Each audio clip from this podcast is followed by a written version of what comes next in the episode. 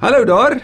Welkom by Genesis se derde Bybelskool van hierdie reeks en ons is verskriklik dankbaar vir hierdie voorreg en en as ek sê ons dan is dit ek en die hele span agter my en saam met my wat die voorreg mag hê om hard te kon werk ook hier aan.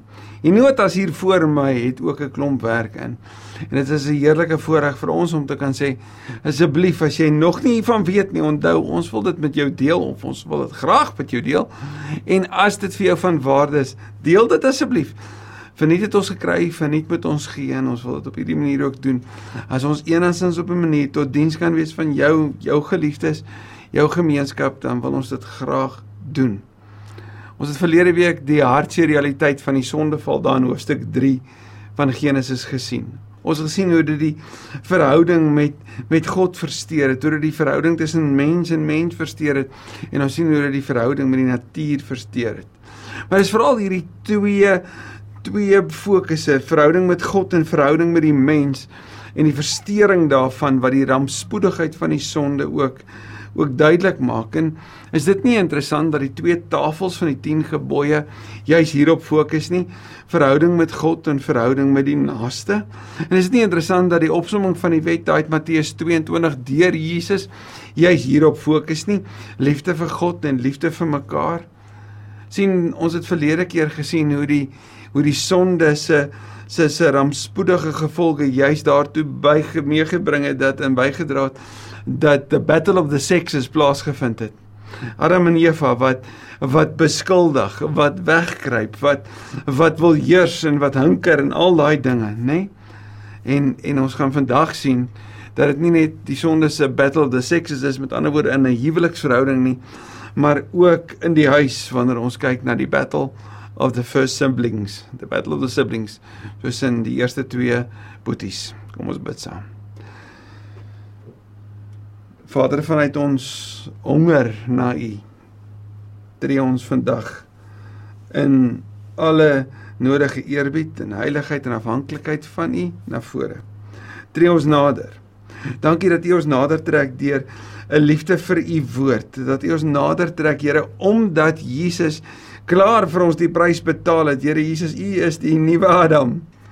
U is die een wat 'n nuwe erfenis vir ons gelaat het en omdat ons in daai nuwe erfenis deel, volledig deel, het ons die voorreg om om vandag as vrygekooptes, hulle wat vergewe is, wat nuut gemaak is, besig te kan wees met u woord.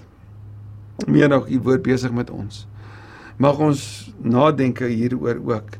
Ons eie gedagtes vorm en vul en ons opnuut herinner Here aan aan u werk in ons wêreld en aan die ewige waarhede van hierdie verhale wat dalk vir ons bekend is in 'n mate maar so baie sê van onsself, van ons wêreld, van die mense wat ons ken. En daarom Here kom breek dit opnuut oop vir ons. Ek bid dit in U naam. Amen.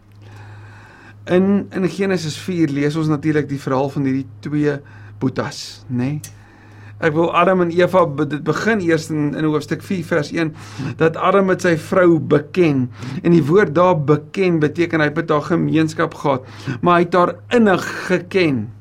Nou daai woord vir innig ken gaan ons later nie in die in die Ou Testament leer is is die woord wat ook beskryf dat God ons wil ken. En hoe mooi is dit nie dat dat Adam wat sy vrou beken het beteken hulle was fisies een bes iets beskryf van God se eenheid met ons, iets verwys na na na Hosea wat die Here sê hy is ons man, iets verwys na dat ons een Christus se liggaam is daarin. Jy weet in in in 1 Korintiërs 12 en Romeine 12, Efesiërs 4 en 1 Petrus 4, dis sy liggaam. En hoe word ons sy liggaam? Deur innig geken te word en dat daar 'n huwelik aan die einde is waar hierdie innig geken voortgaan. So hierdie gebeurtenis in hoofstuk 4 vers 1 het eintlik 'n geweldige gevolg en en en 'n uh, uitloop daarvan soos wat ons dit sien dan ook in in die res van die Bybel. Nou Adam het sy vrou geken en toe word sy swanger.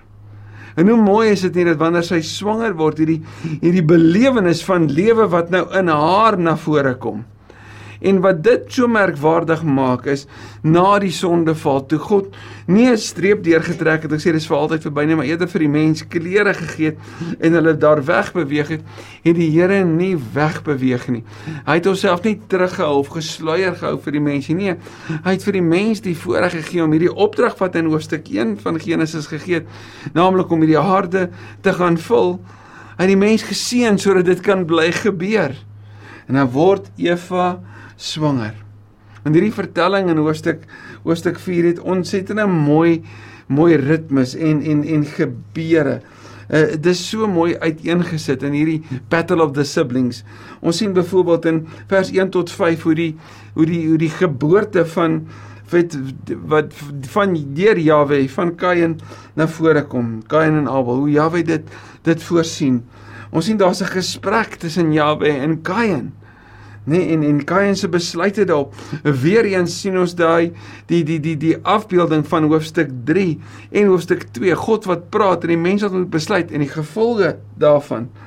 Ons sien in vers 8 die geveg tussen Kain en sy boetie en die gevolge daarvan en dan kom praat die Here met Kain oor Abel. En uiteindelik sien ons Kain se se se sonde se gevolge en Kain se nageslag, maar dis nie klaar nie. Hoofstuk 4 eindig dan met die nageslag van Adam. Maar eers sien ons dat die mens beleef dat daar lewe is. Eva ervaar hierdie ongelooflike voorreg om kind te mag hê. Sy sê maar maar ek deel daarin en en daar's iets baie mooi in hierdie hierdie beeld van van skep want dis dieselfde woord wat deur God wat dat aan God aan toegewys word as die skepper. So die vrou kom sê met die geboorte van haar seun, maar ek het nou skepper geword. Ek deel in God se skepping van sy wêreld. En dan noem sy haar seun Kain uh uh in in in in die Hebreëus daar dui op die woord spies maar dit is 'n is dit is 'n dis nie ver van die woord af waarvan die woord skepping vandaan kom nie. Eva deel in God se ongelooflike geskenk van lewe. Die Here beweeg naby. Die vrou gee lewe. Kaniti is die woord vir vir skepping en en later wanneer dit aan God toegewys word, is dit dieselfde. Dan is dit kanita, maar dit kom uit dieselfde uit. Maar wat word haar seun genoem? Hy word genoem Kain. Ek het geskenk gegee. En en die die belangrike van Eva se woorde is dat dit oor haar gaan. Ons gaan later iets anders sien wanneer sy tot beter insig kom hieroor. Want Eva beleef ek het geskenk gegee, ek het geboorte gegee, ek het geskep 'n seun. En sy naam is Spies, nê? Nee? Kain. En dan het sy weer 'n seun. En interessant dat wanneer hierdie seun gebore word, word hy onmiddellik geassosieer met sy boetie. Hy word onmiddellik in hierdie verhouding met sy boetie genoem, want daar word sê daar's 'n boetie vir Kain gebore. En en wanneer hy gebore word, is die naam daarvan dieselfde wat ons later in Prediker sien. Jy sal in Prediker dit gereeld sien. Alles is Jewel. Alles is waardeloos. Alles is vlietend. Alles is 'n wasempie. Nou hierdie evel van van Prediker is in Genesis 4 dieselfde konsonante vir die woord Abel.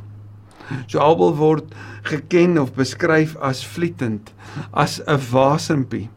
Nou hier's 'n baie baie interessante vooruitkyk, nie net in die boek van Genesis nie, maar in die Ou Testament en dan in die Bybel en dit is dat wasempie stel vir God. Tweede boetie stel vir God. Dis baie interessant dat nie net in Genesis 4 nie, maar deurlopend in Genesis sien ons hoe die tweede boeties juis uitgelig word. Dink 'n bietjie mooi aan aan Isak, Is, Ismael, ekskuus, en Isak. Dink 'n bietjie mooi aan Esau en Jakob. Dink 'n bietjie mooi aan die boeties en Josef. Ag ek en jy kan vorentoe kyk na die boeties en Dawid. Hulle wat afgeskryf word, hulle wat nie as so belangrik geag word in die normale loop van verloop van die lewe, word so maklik afgeskryf, maar vir God, dis hulle wat hy raak sien. En ook die geval tussen Kain en Abel beteken dit dat die Here vooruit vir Abel gekies het en nie vir Kain nie natuurlik nie. Natuurlik nie. Beteken dat alle eerste boeties in die moeilikheid is? Natuurlik nie. Ek is die eerste boetie. Nee, Jesus was sy eerste boetie. So dit kan dit mos nou nooit dit beteken nie. Maar kom vertel iets tog van een 'n 'n merker vir die verhaal van Genesis en dit wat volg, maar twee van die uniekheid van God. Kain sien ons word 'n veeboer. Iemand wat in die land werk. Iemand wat vuil by die huis kom. Uh, weet hy hy werk met saailinge. Hy's nie 'n vee, veeboer nie. Hy's 'n hy's 'n saaiboer. So hy werk met die grond. Abel is 'n veeboer. En dan kom albei by 'n plek waar hulle offer aan God bring. Kan ons op daai stadium sê dat daar 'n bestaande offerkultus is? Wel, dit lyk so, maar ons kan dit nie van uit die teks aflei nie. Ons kan wel sê dit albei kom op 'n plek waar hulle offer aan die Here wil bring. En die offers verskil want die een bring uit die op wie die opbrengs van sy oes en die ander bring uit die opbrengs van sy oes. Dis al wat ons weet. Daar word nie beskryf wat Kain se hart en bedoelings is nie en daar word nog minder beskryf wat Abel se hart en bedoelings is. Daar word eerder vertel dat die Here met Kain in gesprek sou tree. Inteendeel, wanneer Abel se offer aangeneem word, is daar baie wat wat lyne trek. Hulle sou sê Abel se gesindheid was meer daarin. Anders sou sê Abel het die vet van van die diere het hy gegee. So hy het van die beste gegee. Kain kon baie beter gedoen het as om van die opbrengs van van sy sy saai saai boerdery te bring. Ek wil seker sekerlik is die vet van 'n die dier meer werd as jy mens daar 'n klomp koringare op 'n op 'n altaar. Maar dis nie wat die teks vir ons sê nie.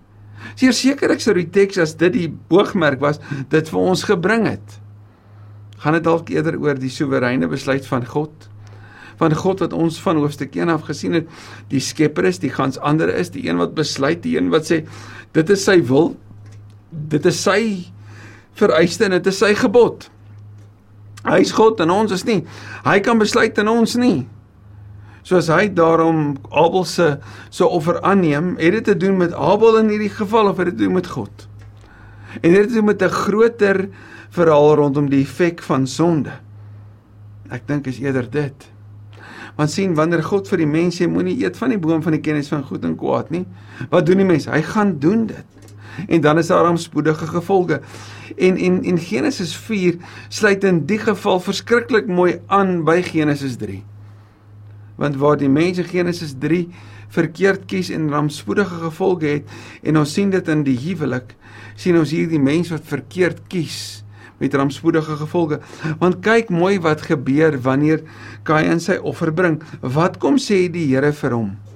Kain die sonde staan aan die deur en hy wil hy wil jou verstrik hy wil jou verslind hy wil jou inneem. Maar jy moet oor hom heers Dis weer 'n so terugverwysing na Genesis 3 vers 15 van hy wat jou in die haakskeen gaan byt, maar jy wat sy kop moet vermorsel. Jy moet oor hom heers. Kain daai woede binne in jou. Anders sou dit beskryf as kain daai te neergedruktheid, kain daai te leerstelling, kain daai depressie binne in jou wat gekom het omdat jy teleurgesteld was oor wat gebeur het, omdat jy vergelyk vergelyk gespeel het. Daai jy moet oor hom heers. En die verskriklike hartseer hiervan is dat Kain se sonde daarna was was nie 'n 'n sonde op 'n afstand nie, maar 'n sonde in die nabyheid. Dit was nie 'n sonde in isolasie soos in die geval van sy mamma nie, maar 'n sonde in die teenwoordigheid van sy boetie. En daar word gesê dat dat Kain die ontsettende tragiese ding doen om sy boetie dood te maak. Ek wou hom sy boetie om die lewe te bring. Dis 'n verskriklike ding wanneer jy daaraan dink dat hy sy boetie weet nader gekom het, hom oorrompel het en uiteindelik hom doodgemaak het. Ai, hoe verskriklik hartseer moes dit nie gewees het nie. Ons het in hartseer. O God sê vir hom, Kain, die sonde wag vir jou daar buite en hy wil jou in sy mag kry, maar jy moet hom oor hom heers. Maar Kain, wat doen hy? Hy laat dit eerder na hom toe kom en in hom werk dat hy die wilde ding doen. En nie net dit nie, wanneer God na Kain toe tree en vir hom sê waar is jou boetie? Is Kain nie net die een wat moord gepleeg het nie, maar die tweede gevolg van sonde in Kain se lewe is dat hy jok. Hy sê, "Hoe moet ek weet?" Hy jok. Die vreemde woord is, is ek dan die een wat oor my boetie moet waak? Is ek big brother? Nee, moet ek hom dophou? Hoe verskriklik is dit? Is dit nie weer 'n beskuldiging nie? Het iemand nou aangestel om hom op te pas? Ai, as jy maar net het, Kain. As jy maar net geluister het na wat God vir jou gesê het. En God se wil is vir jou beswil. As jy maar nou net geluister het. Maar Kain het nie. En dan hoor Kain die ongelooflike straf van die Here op hom. Want sien ongehoorsaamheid aan God lei tot onbarmhartigheid teenoor ons naaste en nie net beleef ons naaste die prys daarvan nie. Ons ervaar dit want dan kom die Here en dan straf hy hom.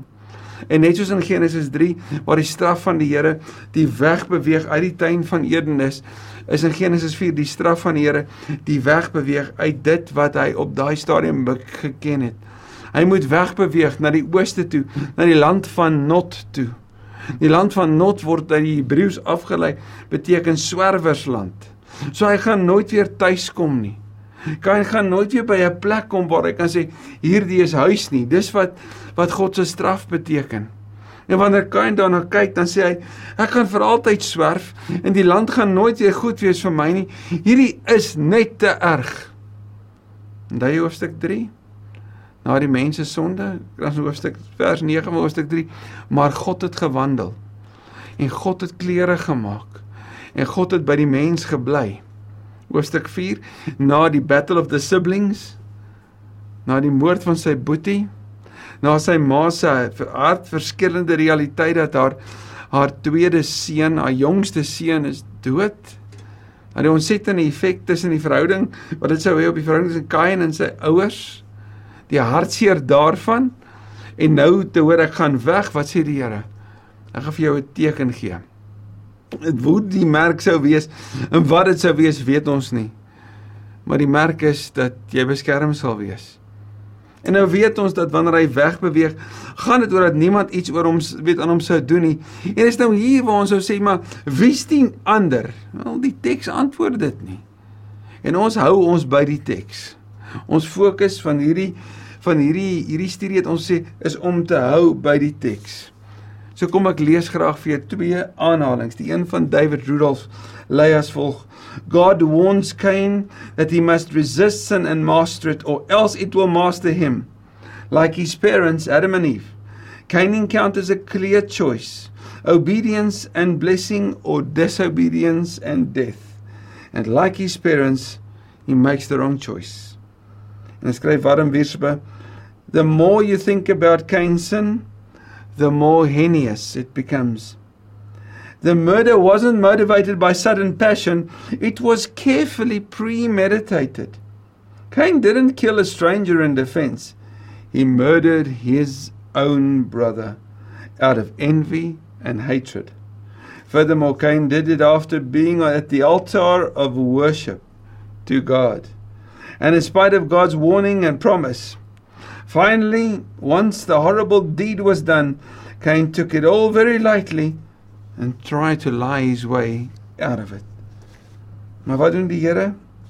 Ek gaan saam met jou wees. Daar's 'n teken vir jou. Jy gaan nie van af weg, maar daar's 'n teken om jou te beskerm. En dan sien ons die nageslag van vers 17 in hoofstuk 4 wanneer die skrywer Kain se nageslag beskryf, dan dan dan beskryf hy hulle nie as almal wat swerwers sou wees nie. Nee, sy nageslag is hulle wat deel in die ontwikkeling van die antieke beskawing.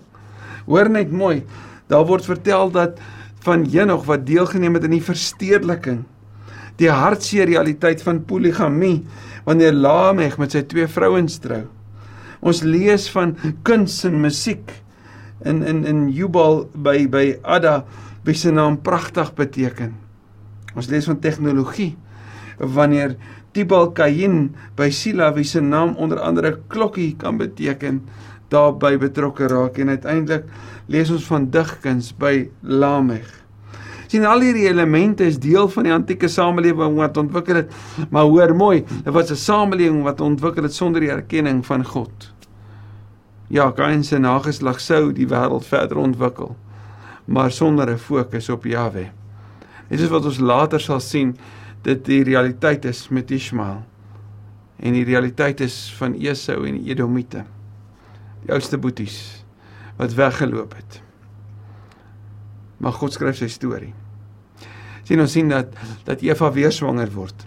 Hierdie vrou wat God vir Adam gegee het, word weer swanger en dan word haar seun gebore en sy naam is Set. En wanneer hy gebore word, dan gee Eva anders as met Kain en ander as met Abel, gee sy eer aan die Here. En sy sê nie daardeur, kyk ek het weer geskep nie, sy sê die Here het vir my gegee. Die Here het aan my 'n seun gegee. Sy roep God se naam aan. En wat word van Set se nageslag gesê? Daar word gesê in hierdie nageslag het die mense vir die eerste keer die Here se naam, die Here se aangesig gesoek.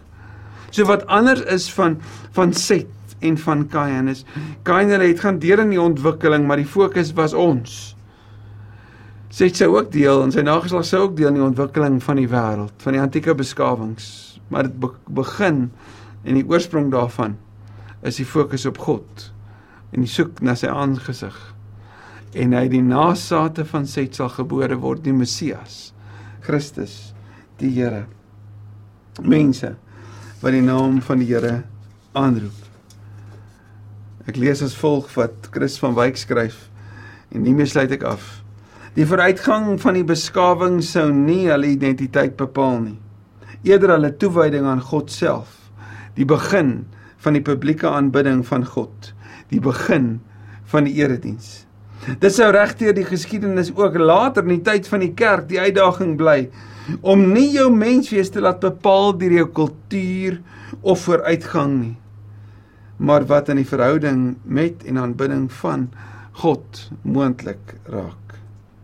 Dis wat die Here van ons vra. Om nie in isolasie te wees nie, want dis waar die sonde ons vasgryp maar om naby te wees om naby God te wees om naby God se mense te wees.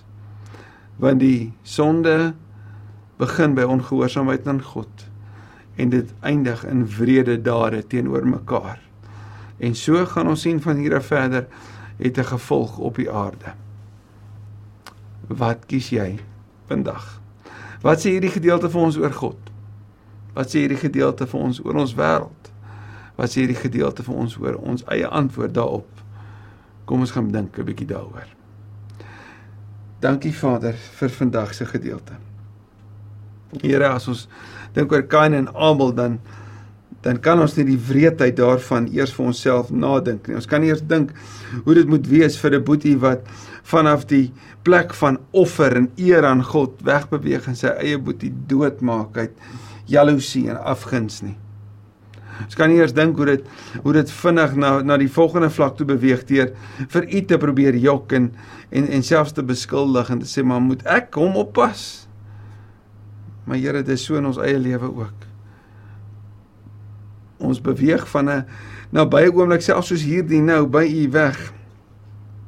En dan kom ons in isolasie. En ons neem verkeerde keuses. En in plaas van om oor die sonde te heers, laat ons toe dat ons emosies in onsself hier uitborrel, Here, en dan sê ons goed en doen ons goed wat verskriklike skade teweegbring. Dankie Here dat die evangelie goeie nuus is. Goeie nuus dat U in ons plek die prys kom betaal. U het in ons plek die bloedoffer kom word. Hierdie prys vir hierdie verskriklike sonde kom betaal en herstel gebring. Dankie Jesus dat ons verhouding met die Vader en met U en met die Gees so belangrik is dat U U lewe gegee het, maar dat ons verhouding ook met mekaar so belangrik is dat U U lewe gegee het en dat ons verhouding met die natuur so belangrik is dat U herstel kom bring het. Mag ons luister na wat U ook vandag vir ons sê in Jesus se naam. Amen. Amen. Ek hoop jy het 'n verskriklike mooi week.